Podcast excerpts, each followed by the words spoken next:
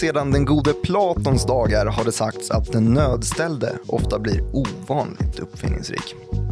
Under pandemivåren 2020 verkade kärnan av det här synnerligen begagnade ordspråket mer aktuellt än någonsin när företag och hushåll skulle räddas undan från något som bara veckor tidigare närmast upplevts som en omöjlighet. En epokgörande ekonomisk depression, massarbetslöshet och stagnation. Men vad var det för ekonomiska idéer som slog rot och vad är det för begrepp som skulle födas i just den här viruskrisens paradigmskifte? Om det nu skulle bli ett sånt. Och är det så det har sagts att den uppfinningsrikedom som föds i nöd allt för ofta frambringar farliga idéer? Jag vet inte, men farliga idéer det kan ni få i Follow the Money som den här podcasten ju heter som innehåller mig och dig Joakim Rönning. Kul att sitta här igen. Tack detsamma. Hur mår du? Bra. Kul. Vad ska vi prata om idag? Farliga idéer. Farliga Uppenbarligen. har, har du några sådana? Massvis. Skönt. Jag är väldigt taggad på det här avsnittet. Det här ska, ska ju handla om, jag vet ju vad det ska handla om. Ja, det det är dumt att jag frågar Det är nästan. ditt avsnitt nästan. Är det det? Nej, ja. Det är vårt avsnitt Joakim. QE Infinity ska det handla om. Eh, lite... QE Infinity Plus. QE Infinity Plus. Ja. Mm. Kul. Det är alltså eh, stimulanspaketens stimulanspaket. Den eh, kronan av de penningpolitiska verktygen och eh, det vi är i mitt just nu. Vi snackade ju lite bailouts förra avsnittet. Mm. Man kan ju titta tillbaka dit om man vill börja där kanske. Ja, om man vill, vad om man vill vill ha en liten då, då? summering av... Nej, men, ehm, det här senaste som har kommit sedan dess är ju Federal Reserves nödpaket om 2300 miljarder dollar. Just det, en, en form av kreditlina till företag i, lön, i nöd. Precis. Och det är väl typ en bailout av hela USA, kan man säga. Ja, slänga pengar på Bailouts problemet. som i att eh, man räddar företag undan deras egen undergång. Ehm, det blir för dyrt och trögt och segt att göra det komplexa förfarandet industri för industri nu. Så nu räddar man allt på en gång istället. Men är är det inte lite cyniskt att säga att det är en ren bailout? För än så länge så ser det ju ut som ett lån bara. Då. Pengarna ska ju tillbaka sen också. Okej då, Eventuellt. Ja, men det, är- det är ju eh, ganska, ganska så eh, stora eh, slantar som trycks ut i alla fall. Ja, så är Det det var verkligen. tydlig eh, reaktion på, på börsen också. Det här kom väl på onsdagen i förra veckan, ask-onsdagen, Mm. innan påsk där. Mm. Eh, och det gav ju lite, lite race på, på Dow. Ja, och vi har faktiskt haft ganska mycket, alltså det, det har varit positiva rörelser på, på börsen. Mm. Eh, en, en tid just nu. Vi, vi är ganska många procent ovanför Typ för 20, botten. 20 drygt. Ja, det är rätt mycket. På S&P i alla fall, S&P 500, amerikanska. Jo, men eh, OMXS30 ligger ju Ja. också där omkring. Vi är över 1500 liksom, eh, när vi spelar in det här. Det är Mm. 14 april idag, Mm. eh, en tisdag. Får se Ehm, om vi har lagt ett, eller om vi, om eh, Federal Reserve och deras eh, kumpaner runt världen har lagt ett golv i aktiemarknaden eller om det...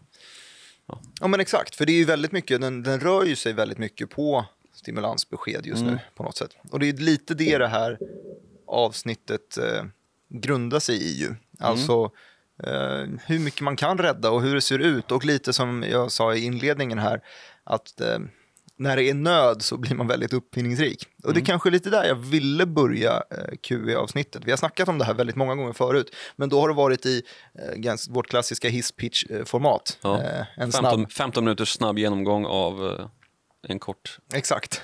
Ett Antingen har vi fenomen. väldigt dålig uppfattning om hur, lång tid, hur snabbt tiden går i en hiss eller så har vi besökt höga byggnader. Eh, Men om vi i alla fall ska börja här, QE, så skulle jag vilja spola tillbaka tiden till 2001 ungefär. Vad händer då?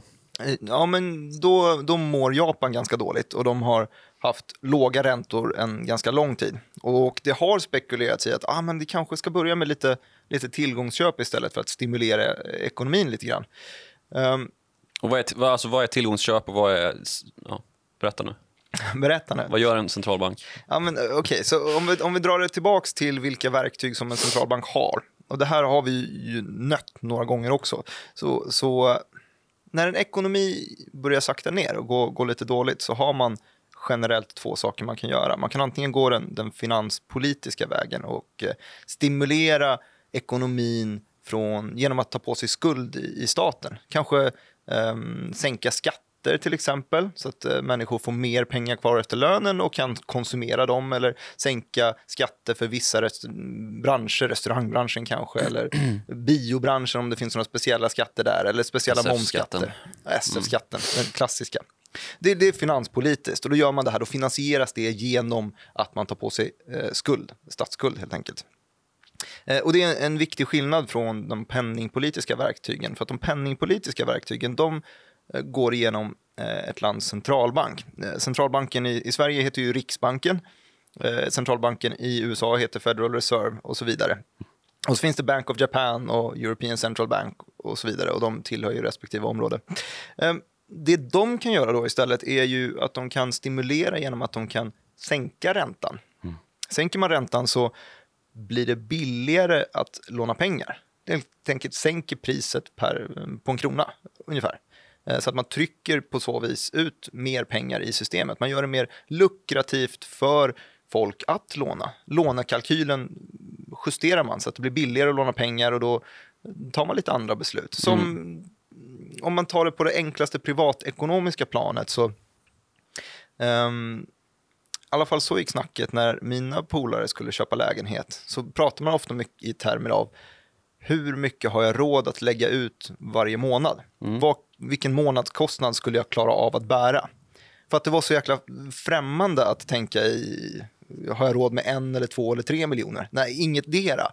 Det, du har inte så mycket pengar. Men mm, när man istället drog det till, ja, men hur mycket kommer det här lånet kosta mig i månaden? Då fick man en helt annan bild av det. Och då lyckades man få ihop att ah, nej, men om jag har en inkomst på, på 15 000 i månaden, då har jag råd att lägga 6 000 kronor i månaden på bostad ungefär. Och så drog man den kalkylen. Aha, 6 000 kronor i räntekostnader och amorteringar. Hur mycket hur stort lån betyder det att jag kan ta? Ja, jo, men då kan jag ta 1,2 miljoner i lån. Så byggde man ihop en sån kalkyl. Det är ju så det märks privatekonomiskt. Och på lite samma sätt så märks det också ute i, eh, i företagen. Att det förändrar deras lånekalkyl. De flesta företag där ute idag, framförallt idag när vi har riktigt låga räntor och har haft det ganska länge, de, liksom, de mår bäst av att vara lite lätt belånade. Det är inte dröm, eh, drömscenariot att vara obelånad som man skulle kunna tro. Skönt att inte ha några lån. Man Nej, kan alltså vara underbelånad. Man kan definitivt vara underbelånad. Eh, tillbaks till räntor. När man då hade sänkt räntorna till vad man tyckte var ett ganska beständigt golv, eh, noll i ränta. Mm. Det låter rimligt. Det låter är stopp rimligt med. Ja, Eh, det var inte riktigt det, men i fallet Japan i alla fall, om vi tar det där, så, så fick det ungefär vara golvet. Och så har det fått vara i resten av världen också. Då började man leta efter alternativa sätt att stimulera ekonomin på, när man hade sänkt ner räntan till noll. Och det är här vi snackar om att nöden, det är uppfinningens eh, moder på något sätt. Eh, för då insåg man att okej, men vad kan vi göra annat för att stimulera ekonomin, göra det billigare med pengar utan att sänka räntan och mer? Ja, jo, men då gör vi så här. Vi trycker upp nya pengar och sen så köper vi saker för de här nya pengarna. Eftersom man är centralbank så har man monopol över mm, förmågan att skapa nya pengar. Och eh, så pass modernt var det redan 2001 att man kanske inte tryckte upp nya sedlar utan man gjorde det här digitalt. Man knapprade in hur många nya nollor man ville ha eh, på centralbanks Bank of Japan-kontoret där. Eh, och så använde man de här nya pengarna till att gå in och köpa. Och det man gjorde var att man köpte statsobligationer. Man köpte alltså de säkraste papperna på eh, marknaden. Man gick inte in och köpte eh, saker på, på aktietorget som det hette då, Spotlight heter det idag, utan man, gick liksom, man köpte det absolut säkraste. Och anledningen till att man köpte det just absolut säkraste, det var för att man ville tvinga det här att röra hela ekonomin. Man ville starta högst uppe på den här pyramiden som är ekonomin och tog det, tar det absolut säkrast. För köpte man den säkraste tillgången och gjorde den mindre attraktiv för andra investerare. För att trycker man in, skapar man nya pengar och köper en, en tillgång så trycker man samtidigt upp priset på den. Så att yielden på den säkraste tillgången, statsobligationen, blev oattraktiv för de som annars hade köpt den. Och vart vände sig de då? Jo, men de vände sig till det näst mest attraktiva tillgångslaget. Kanske företagsobligationer. Toyota eller vad som helst. Något stort företag med företagsobligationer. Så blir det samma effekt där och så... Blir det samma effekt där och det här har vi pratat flera gånger om. Det, det, liksom, det rinner ner till nästa lager, nästa lager. Det här är en effekt av QE. Trickle down economics. Trickle down economics. Och just den liksom, typen av s- sättet som det påverkar ekonomin brukar man kalla för ehm, portfolio balancing channel, alltså ehm, portföljbalanseringskanalen, eh, sättet som det påverkar. Det finns några andra sätt som QE också påverkar ekonomin på, men det här är väl det mest handfasta och praktiska som man är någorlunda överens om att det faktiskt är så. Man vill helt enkelt säkra att det finns likviditet i alla marknader och att, eh, det att de, att de fun- fungerar helt enkelt. Exakt. Ja. Och, och då försöker man att, trycka in de pengarna där det är mest nytta. Och då valde man då de säkraste papperna. Likviditet. Ja, och det här, eh, ja men Japan var snabba med det här 2001 och det, fanns, eh, det fanns tidigare iterationer av det men det ser så annorlunda ut så vi skiter i det. Vi börjar vid 2001. Sen så kommer Federal Reserve, eh, amerikanska centralbanken och eh, följer efter Japan helt enkelt och gör det här 2008. Eh, slutet på 2008 när eh, det rasade ut för, för ekonomin. Det var en finanskris helt enkelt. Då började, vi, eh, började Federal Reserve göra precis samma sak. Och sen så fortsatte de med det egentligen. Eh, Och gjorde det på ganska många olika sätt under en period. De köpte lite olika saker. Eh, Men främst statsobligationer. Eh, Och de gjorde då 2008 så släppte de det som eh, kom att he- heta QE1, Quantitative Easing Eh, 2010, eh, två år senare alltså eh, för oss som kan räkna, ehm, blev det QE2 och 2013 kom QE3, eller slutet 2012 egentligen. Och sen så löpte det det här, det här då. Och man köpte alltså tillgångar för i början ganska små summor.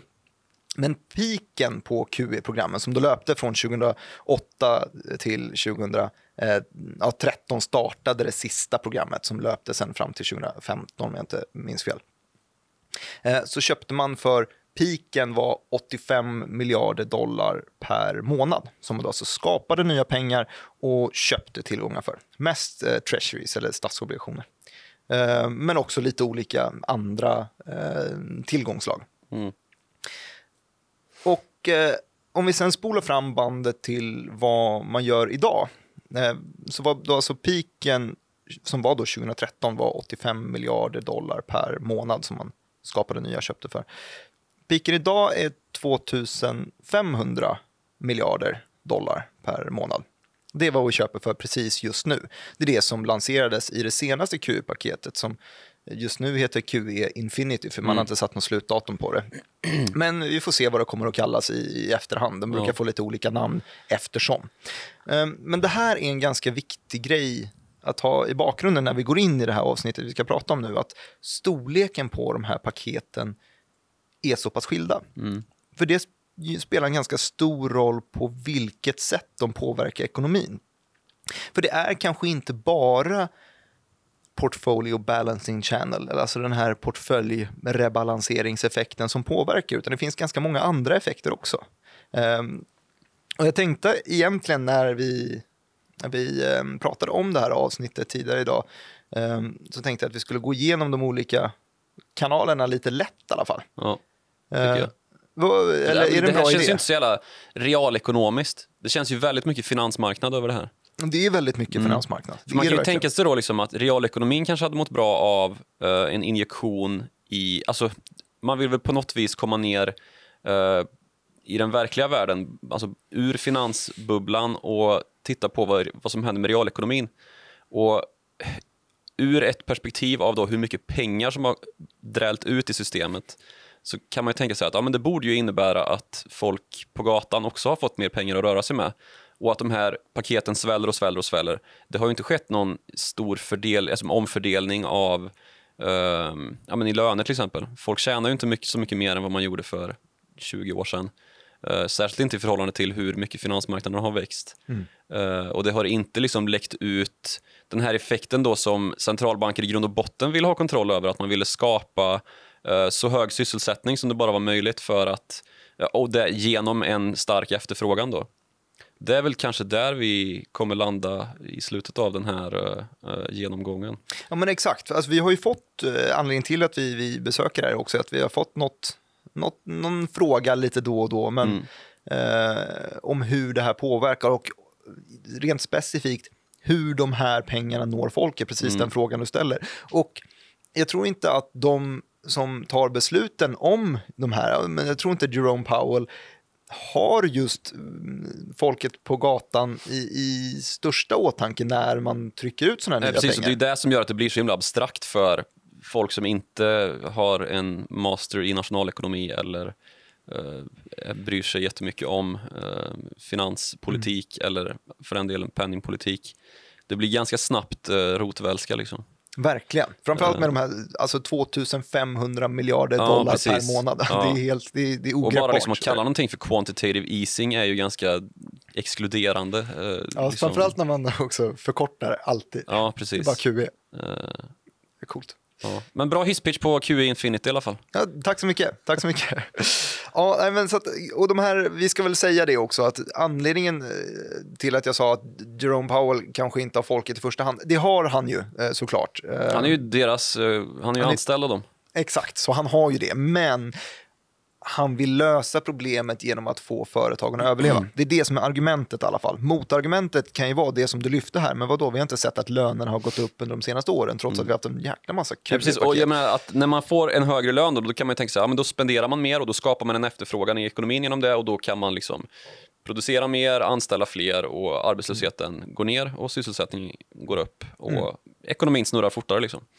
Eh, Den effekten har vi ju inte sett. Nej, och, och lite av det här är nog för att det är ett experiment. Ja. Alltså, men man, har inte, man har inte asbra koll på det här. Det här Kapitalism är, kallas det. Ja, nöden, nöden är ju uppfinningens moder som vi precis Ja. nämnde här. Det här är ett sätt att få företag att överleva och då kan man väl, det har vi sett tusen gånger förut i världshistorien, att då kan man väl ta att ah, de rika blev visst lite rikare. Det kanske inte har den bästa kapitaldistributionseffekten det här, utan det kanske är så att vissa blir lite rikare än de andra.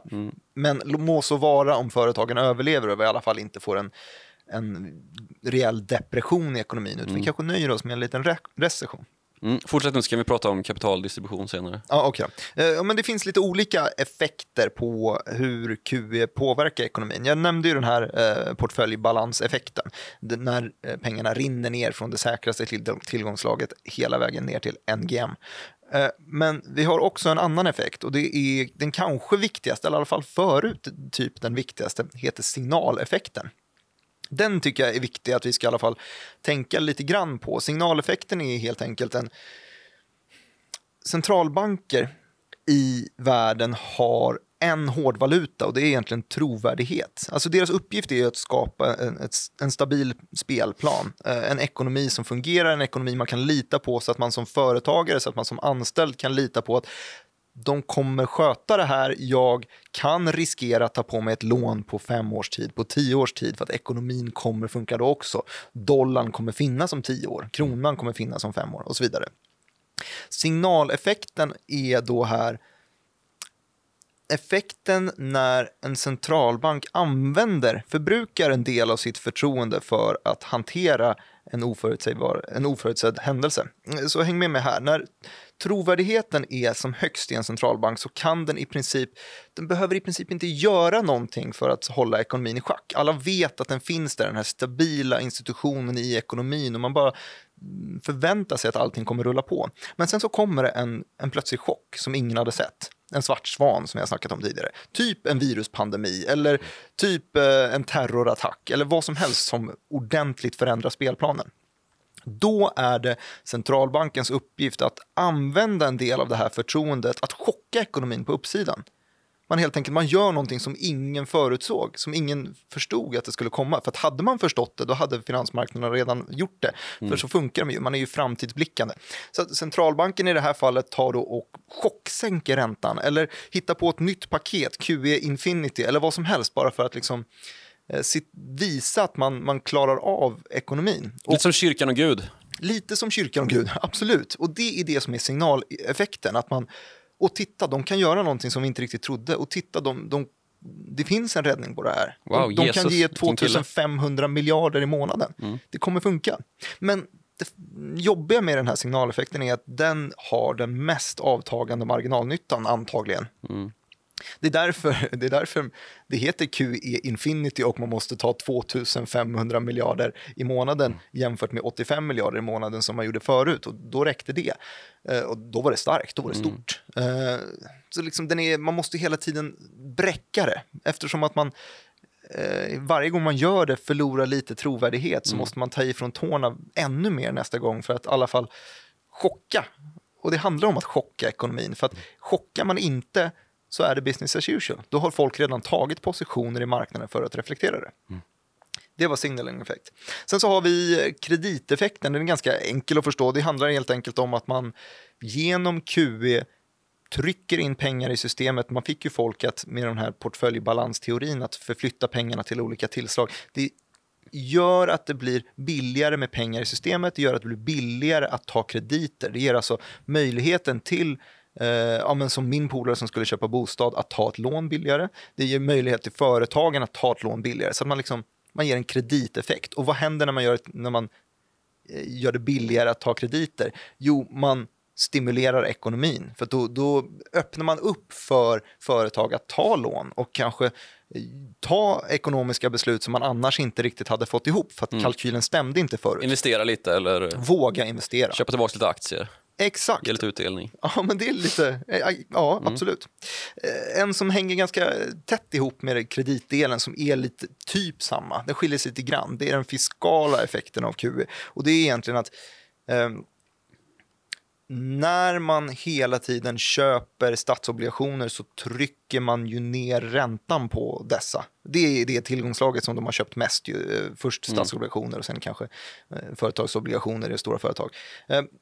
Så trycker man ner räntan på dessa och, det gör ju i sin tur att det blir billigare för staten att mm. skuldsätta sig. Så där har vi liksom en, en statlig belåning och det är någonting som vi har sett framförallt eskalera sedan Eh, finanskrisen 2008. Eh, vi har sett skuld, eh, hushållens skuldsättningar, mm. de har gått upp i taket. Företagens skuldsättningar ser också lite annorlunda ut. Det blir helt enkelt, ja men det här som att det det kanske inte optimalt, man kan vara underbelånad. Mm. Den grejen. När det liksom blir så pass billigt med pengar så att kalkylen ser annorlunda ut. Det kanske är värt för dig att ta ett större lån så att du sen kan använda pengarna till att uh, ge en utdelning. Mm. Alltså bara den delen, vilket i sig kanske känns lite konstigt. Vadå, vänta, ska du ta ett lån och sen dela ut det till aktieägarna? Ja, om du de facto, om din enda uppgift är att maximera aktieägarnas värde, kanske det är det, för det kommer ge en sån jäkla skjuts till aktiekursen och just nu är det väldigt billigt att låna. Alltså den, den typen av, av grejer har vi sett. Det finns en sista effekt. Nu har jag pratat så mycket att jag måste ta en klunk vatten Sen ska snart. du få andas. Skönt. Och det är egentligen valutaeffekten. För mm. Det säger sig självt lite grann att trycker man 2500 miljarder nya dollar per månad så, så vattnar man ur dollarn. Mm. Och det gör att dollarn blir lite billigare och det gör att exportföretagen till exempel mm. Eh, mår lite bra för att valutan eh, sjunker allt annat mm. lika. Man ska också komma ihåg att eh, QE sker överallt, eh, såklart. Så att eh, det här eller, I västvärlden, eller i, i de välutvecklade ekonomierna så sker det överallt i alla fall. Eh, exakt, och då kanske inte valutaeffekten blir det första man tänker på. Det är netto noll typ. Netto noll, ja. exakt. Om eh, euron gör det, om pundet gör ja, det, om kronan gör det så mm, ja, det blir mm. ungefär samma i alla fall. Men det kanske påverkar något tredje land någonstans. Det gör det definitivt. Um, där har vi någon form av, jag nämnde fem effekter. Ja. Uh, och det finns säkert ganska många andra, men i stora drag så är det de som är stora. Ja. Men ska vi gå in lite på inflation eller? Uh, kan vi göra. För det här har ju haft en ganska så konstig effekt på inflationen ju.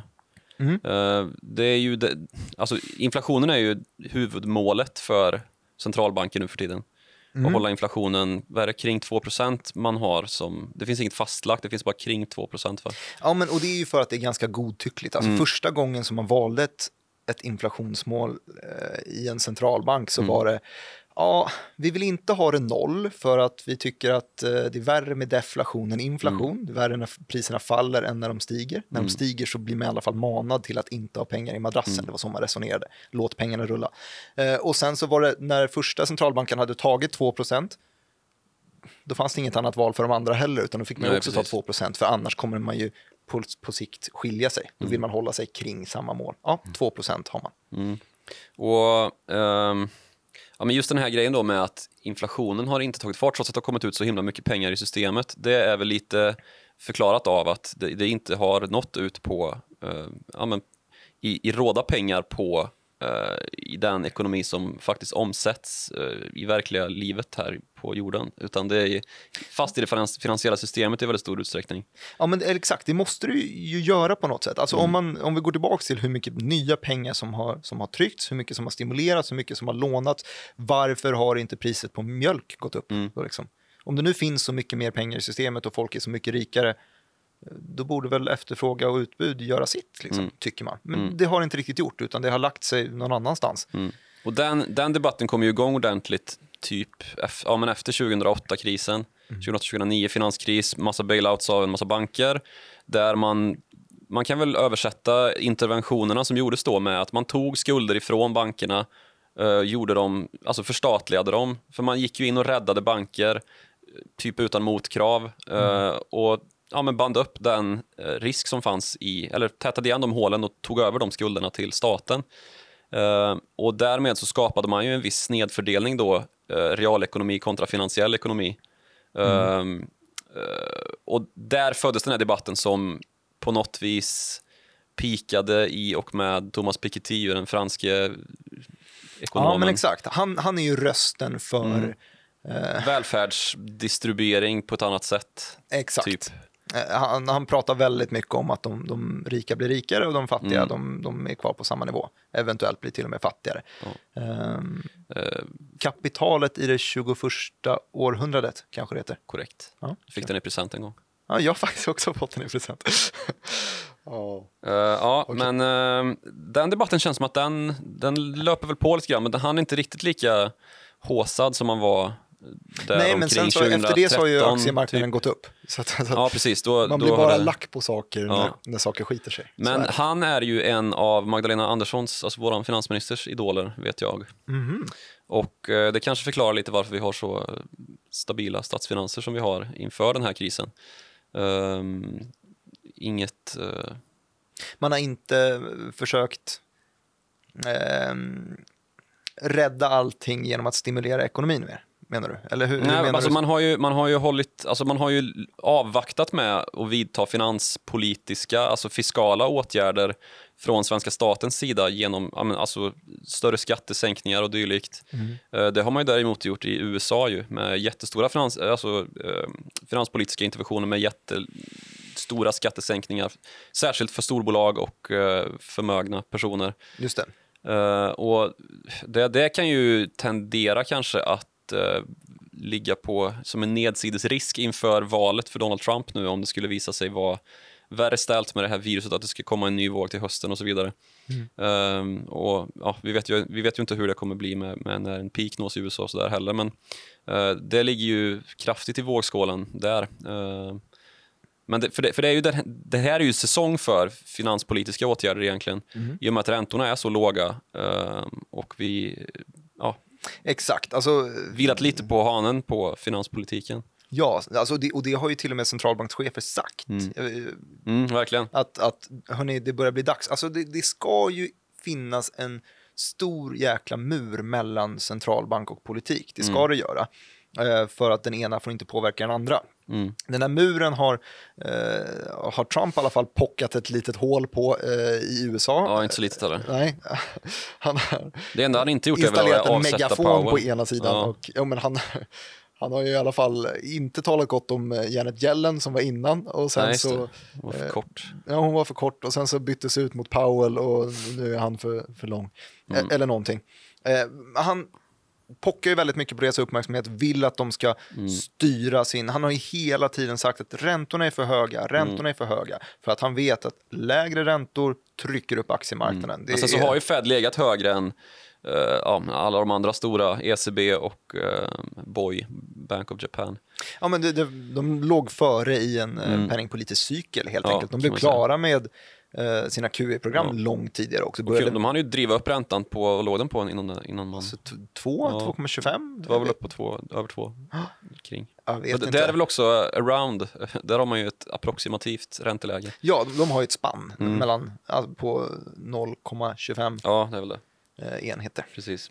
Ehm, ja, men i alla fall den här, de här räddningarna som vi gjorde då av banksystemet har ju blivit lite grann av en uh, surdeg eh, som har legat kvar i systemet och det pratade vi om förra podden också när vi pratade bailout så att eh, den här krisen kommer ju inte städa upp de försyndelserna och det är ju egentligen alltså den här kapitalistiska skuld, eh, att vi lånar av vår egen framtid egentligen. För de här, alltså, det är svårt att förstå kanske för eh, liksom, Mig? ja, men alla, ja, verkligen alla. Alltså. Vem är det vi lånar pengar av? Hela världen är skuldsatt med tusentals miljarder. Ja, och det vi lånar jag tror, liksom? tycker att svaret är här, det vi lånar är trovärdighet. Ja, precis. Vi lånar, Trovärdighet av, i systemet. precis. vi lånar av kapitalistguden, för det, det är ju nästan en religion. Ja, ju. och alltså, jag tycker inte, man behöver inte kolla så långt bak för att se senaste gången vi ändrade ett system. Nej, Alltså, precis. Senaste paradigmskiftet. Ja, för det är det som händer. Det är då man liksom rensar spelplanen och Ja. kommer på ett nytt sätt. Nej, vi ska köra med bitcoin istället för, Ja. för dollar nu. Det Ja, är det- det som blir vår feta valuta. garvar vi åt det, men det är ju kanske inte bitcoin, men just den här digitaliseringen av valuta är ju på tapeten eh, rätt så... Ja, absolut. Men eh, om jag får fortsätta med den historiska förankringen så kan vi i alla fall snacka typ, Ja. inte för att jag kan det asbra, men Bretton Woods Trovärdighet. Ja, systemet, apropå trovärdighet. Vi snackar väl eh, 70-tal ungefär. Ja. Eh, När när Keynes eh, red in. Ja, eh, när man helt enkelt gick och lät eh, växelkurser bli, bli rörliga, bli flytande istället. När man Ja, ett stort paradigmskifte. Och dessförinnan hade man då haft eh, att man hade bestämt eh, vad valutorna skulle vara värda i förhållande till dollarn. Alla länder inom IMF, så internationella Det valutafonden. var liksom ett stort paradigmskifte, man Mm. ändrade hur, hur man skulle tolka värdet på pengar. Så gick man över till eh, någon. Och det, det påverkar ju liksom det, det trovärdiga. Där skapas någon form av nytt trovärdighetssystem. Mm. Och som eh, rask, ganska raskt därefter så ramlar vi in i en, eh, en kris istället, 80-talskrisen. Just Det det. tog ju ett tag innan alla valutor ramlade över. Jag tror att 1976 eller något sånt där vill jag minnas att jag läste i en lärobok. Då var alla länder liksom, eh, den kritiska massan var över till rörligt. Mm. Eh, och eh, sen så fem år senare så står vi på en, en brinnande stagflation. Kan en Stagflation, brinna? En brinnande kris i alla fall. Ja, Stag- stagflation, alltså inflation och låg eh, sysselsättning. Hög arbetslöshet. Exakt, och anledningen till att just stag... Hopsättning av stagnation och inflation. Exakt. Varsågod. Anledningen till att det var så, eh, så pass... Att, man, att stagflation har etsat sig fast i minnet. Att oj, vi upplever det. Det har vi aldrig upplevt förut. Det var just för att innan dess så var man ganska fast övertygad om att det fanns ett samband som man kallar för, kan, blir det för nördigt nu? Stoppa mig i så fall. Philipskurvan. Stopp. Ja, Philipskurvan är helt enkelt sambandet mellan inflation och arbetslöshet. Mm, just det. Eh, och den eh, hade hållit ungefär fram tills dess. Mm. Ehm, och sen dess så eh, har det gått ut för, i alla fall för en rolig graf. Om man nu sitter och har möjlighet att kolla upp en, en graf. Googla. Vad sa du nu? Kan man googla? Då kan man googla. Ja. Ja. Kom, fick du in Värmland i det här avsnittet Philipskurvan också? ska man googla då alltså? Philipskurvan Ja. ska man googla. Man ska också googla amerikanska tioåringen, alltså den tioåriga eh, statsobligationen. Eh, hur den har gått sedan 1981. Kommer du ihåg när jag snarkade en gång i micken? Ja, är, det, är du på gång nu igen? Ja, det var nära där. Den, den är superintressant, för den har i princip fallit varenda år sedan 1981. Mm. Och för att stävja den här stagflationen då som rådde på 80-talet Mm. eh, efter oljekris och annat så eh, då lät man ekonomin gå i recession ett tag. Mm. I USA då, och så följde alla andra länder efter eftersom att alla är beroende av USA. Eh, eller var då i alla fall. Eh, är det fortfarande. Mm. Och då fick man lite grann ett nytt, liksom en, ett, en ny spelplan. Eh, lite gamla bolag som inte gjorde så mycket nytta spolades bort och så kom det nya, som vi också pratade om i bailout-avsnittet. Ehm, och det är ju där många undrar nu då, ska det, ska det bli likadant? Ska vi liksom eh, gå in i nästa epokgörande krasch där en massa spolas bort? Det, Och vi får ett nytt paradigm liksom. Och utifrån det läge vi är i nu då, där vi har eh, varken inflation eller eh, ränta att tala om. Vad, vart är vi egentligen? ja, ja, men vi, vi har i alla fall lämnat stagflationen, Mm, helt klart. Mm. Nu har vi istället vi har svårt, eh, centralbankerna kämpar med att få upp inflationen. Det har ju ständigt varit att vi precis är uppe och nickar på det och sen så händer något nytt skit Mm, och så är vi nere igen. Nu väntar vi oss nya inflationssiffror och vi väntar oss att den kommer att störtdykt. Mm. Väldigt mycket på grund av oljan till exempel.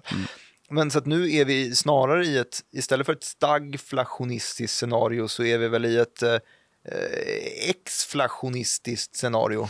Ja, Det här är, ett, ord som vi eh, kanske kom på nu under Ja. pitchmötet. Kan du berätta, reda ut exflation?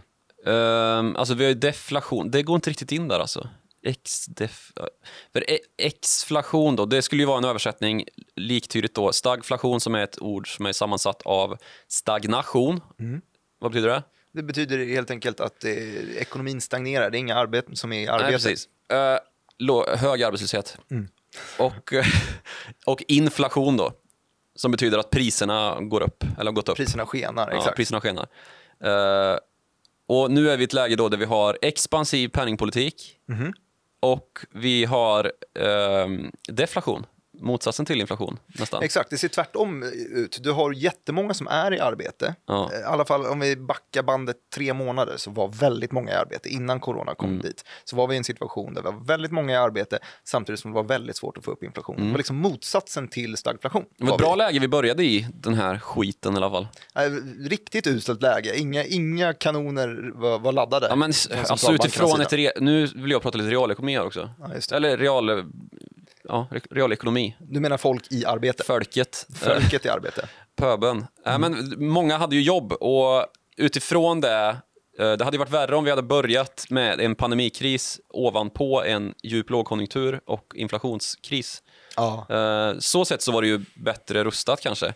Men det som, eh, det här nya ordet som vi kommit på nu då och introducerar för världen, ja, som jag inte vet om det ska få vara kvar heller. Exflation. vad väntar där? motsatsen till stagflation i alla fall. Ja, ja, nej, men det är då det sker det här skiftet. Stagflationen upplever vi, upplevde vi i början av det förra skiftet efter Mm. Bretton Woods-systemet. Nu kommer den här exflationen. Men du, jag, har att, ett, jag har eh, ett förslag. Um, det finns ett medicinskt uttryck som heter exsufflation. Ex, så, vad betyder det då? Det, det är då en, eh, ett, ett, en mekanisk eh, en maskin som man använder för att få folk att hosta. Och f- slemlösande då helt enkelt.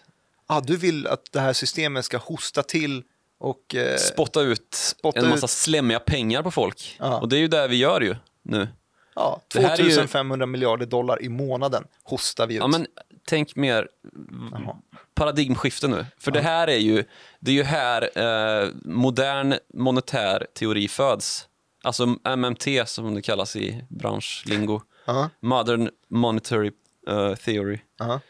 Alltså helikopterpengar och eh, medborgarlöner och dylikt. Alltså Mhm. att systemet hostar ut pengar på folk utan krav på en eh, motprestation. Och du tänker då att pengarna som man får nästa gång Ja, blir kanske någon form av e-krona som inte är, det är korrekt. är fast etsad i Då någon får man annan valuta. bitcoin. Får man, får man bitcoin istället? Ja. Hämta ut ur sin bitcoin-automat. Får man ett inne på bitcoin i Ica. plånboken. Ja. Nej, men lite åt det här hållet alltså. Det har vi redan sett. Och ett problem som kan liksom skönjas i de här centralbanksinterventionerna eh, och även i de här eh, fiskala interventionerna från statligt håll, de med finanspolitiska åtgärder, är ju att det finns liksom inget riktigt system för att dela ut pengar. Det finns liksom förslag om att säga, men gå via skattekontona, företagen måste ha pengar nu, de, de, står ju, de går i konkurs. Som vi sa förra gången, liksom att eh, restauranger i USA i snitt klarar sig 16 dagar utan gäster. Liksom. Ja. Eh, det har gått 16 dagar nu. Ja. De är redan i, i, i snitt så har restauranger i USA gått i konkurs nu. Ja. Ehm, och det saknas då ett system för att föra ut pengar till både hushåll och eh, företag. Så det är dags att helt enkelt göra om hela infrastrukturen för hur det penningpolitiska och... Det är redan på väg att ske. Liksom. Ehm, och det har ju också visat sig i uh, våra avsnitt, höll jag på att säga, men i, i realekonomin liksom att de här företagen nu som står på randen till konkurs och behöver lån från staten, Mm eh, de måste gå via bank, bankerna.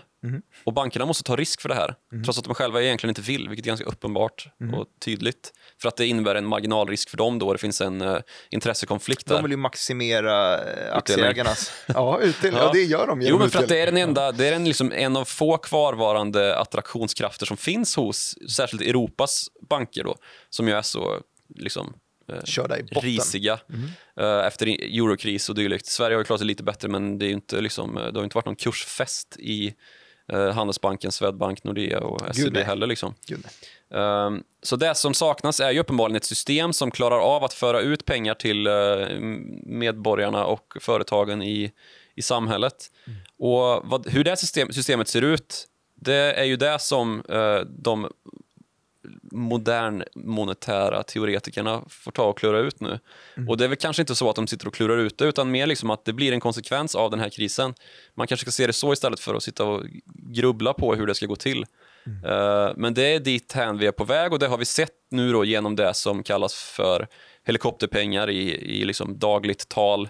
Eh, och det är ju att man ger ut pengar till befolkningen. I USA Jag finns det tycker redan beslut om det. helikopterpengar mer låter som en, en sista åtgärd när man har märkt att marginaleffekten av portföljbalansteorin, av signaleffekten, av Mm. kreditgrejen, att de liksom inte hjälper längre. Då börjar man, ja men fan om vi släpper pengar Mm. Men från det känns ju lite då." som att eh, QE Infinity är ett sista skriket från... eh, Jag vet inte, från vi kan eh, också ta i lite för mycket. Eh, pojken och vargen. Ja, ja, exakt. Eh, ropat varg ganska många gånger nu. Eh, första gången så kom alla och rädda honom. Eh, och räddningen då ska ju vara investerarna som kommer tillbaka till börsen Ja. i princip. eh, I liksom den mest... Tron att, ja bra, nu, nu är vi på, på Ja, väg tillbaka Gud igen. finns visst. Men eh, å andra sidan, jag tror att eh, QE Infinity, jag tror att eh, det namnet har använts förut också. I, förr, i, anna, i andra tidigare QE-projekt. Så att vi har varit vid Infinity förut. Så att eh, det kan mycket väl komma en Infinity till. Ja. Ehm, Men jag menar att det finns en risk med risk. Liksom. Att man, det måste kosta någonting att ta risk. absolut. Eh, det måste kosta någonting att ta risk för någon. Liksom. Och det man gör när man, som vi gjorde i finanskrisen 2008-2009, eh, räddade en massa banker som hade begått en massa bedrägerier för att eh, om vi hade låtit bankerna falla så hade hela systemet liksom kollapsat med de eh, bankerna eftersom att samhället är så beroende av banker. Hade vi liksom gjort de här stora rockaderna då, då hade det varit mycket lättare att... Eh, då hade det varit städat och klart inför en sån här kris som är just realekonomisk. Nu kommer pressen då på realekonomin samtidigt som vi har en massa gammalt bös i systemet som, Ska som, hostas ut. ja, men som vi inte kommer kunna fixa eh, när vi står med liksom, eh, ansiktet ner i, i, i coronavirus och eh, dessutom har liksom en, eh, en energimarknad som ju är väldigt liksom inflationspåverkande, i, i alla fall i tror, det är teorin. ingen då. som vill ta tag i det här när man har fyra år på makten.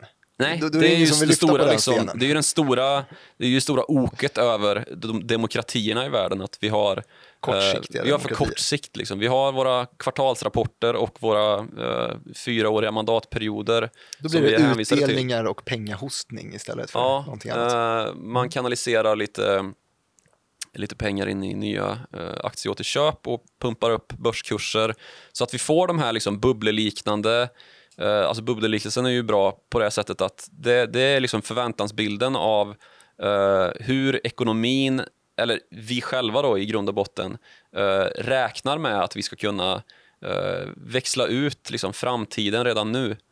Eh, och vi, just genom att putta framför oss den här skulden som vi har till oss själva, för det är ju det, det, är ju det som är sanningen bakom den här liknelsen med Gud och eh, allt vad det är, liksom att vi lånar av vår egen framtid. Ehm, och, och ju större den här bubblan blir, desto hårdare blir ju smällen när det väl eh, brister.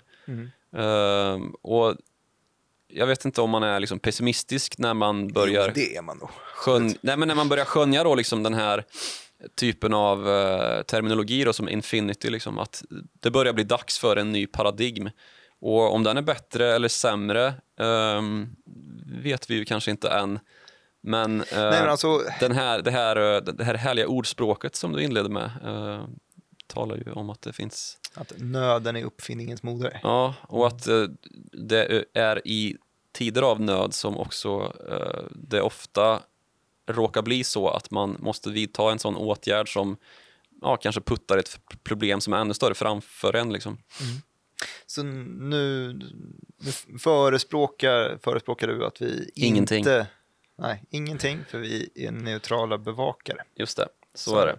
Eh, men ja, just problemet med att, att eh, risk inte kostar någonting, liksom. Eh, att vi använder liksom quantitative easing och centralbanks uh, pengapåhitt att driva ut pengar i, i liksom, eller driva bort pengar från, från säkra investeringar i princip är ju liksom Ja, det i alla fall det är ur, oansvarigt, ja, det är men här, ur konventionella, ur, i en konventionell termino, per- terminologi så är ju det vansinnigt.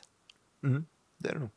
Eh, vansinnigt trevligt var det i alla fall att eh, surra med dig ett tag, eh, Jocke. Vi ska ta och, eh, och klappa ihop affären och komma tillbaka om en vecka igen. Tack så mycket ni som har lyssnat. Tack så mycket ni som har tittat. Det är kul. Det går att följa oss på YouTube. Det går att följa oss på alla podcaster-appar. Det finns inte, in, det finns inte en enda som vi inte är på. Det har jag sett till. Det är min uppgift att ladda upp oss överallt och det gör jag. Eh, så att jag fortsätter göra det eh, och du fortsätter att ladda upp dig inför nästa avsnitt helt enkelt. Och tittare, ni får gärna höra av er. Det är faktiskt flera som har mejlat Mm. Efter att vi bad om det.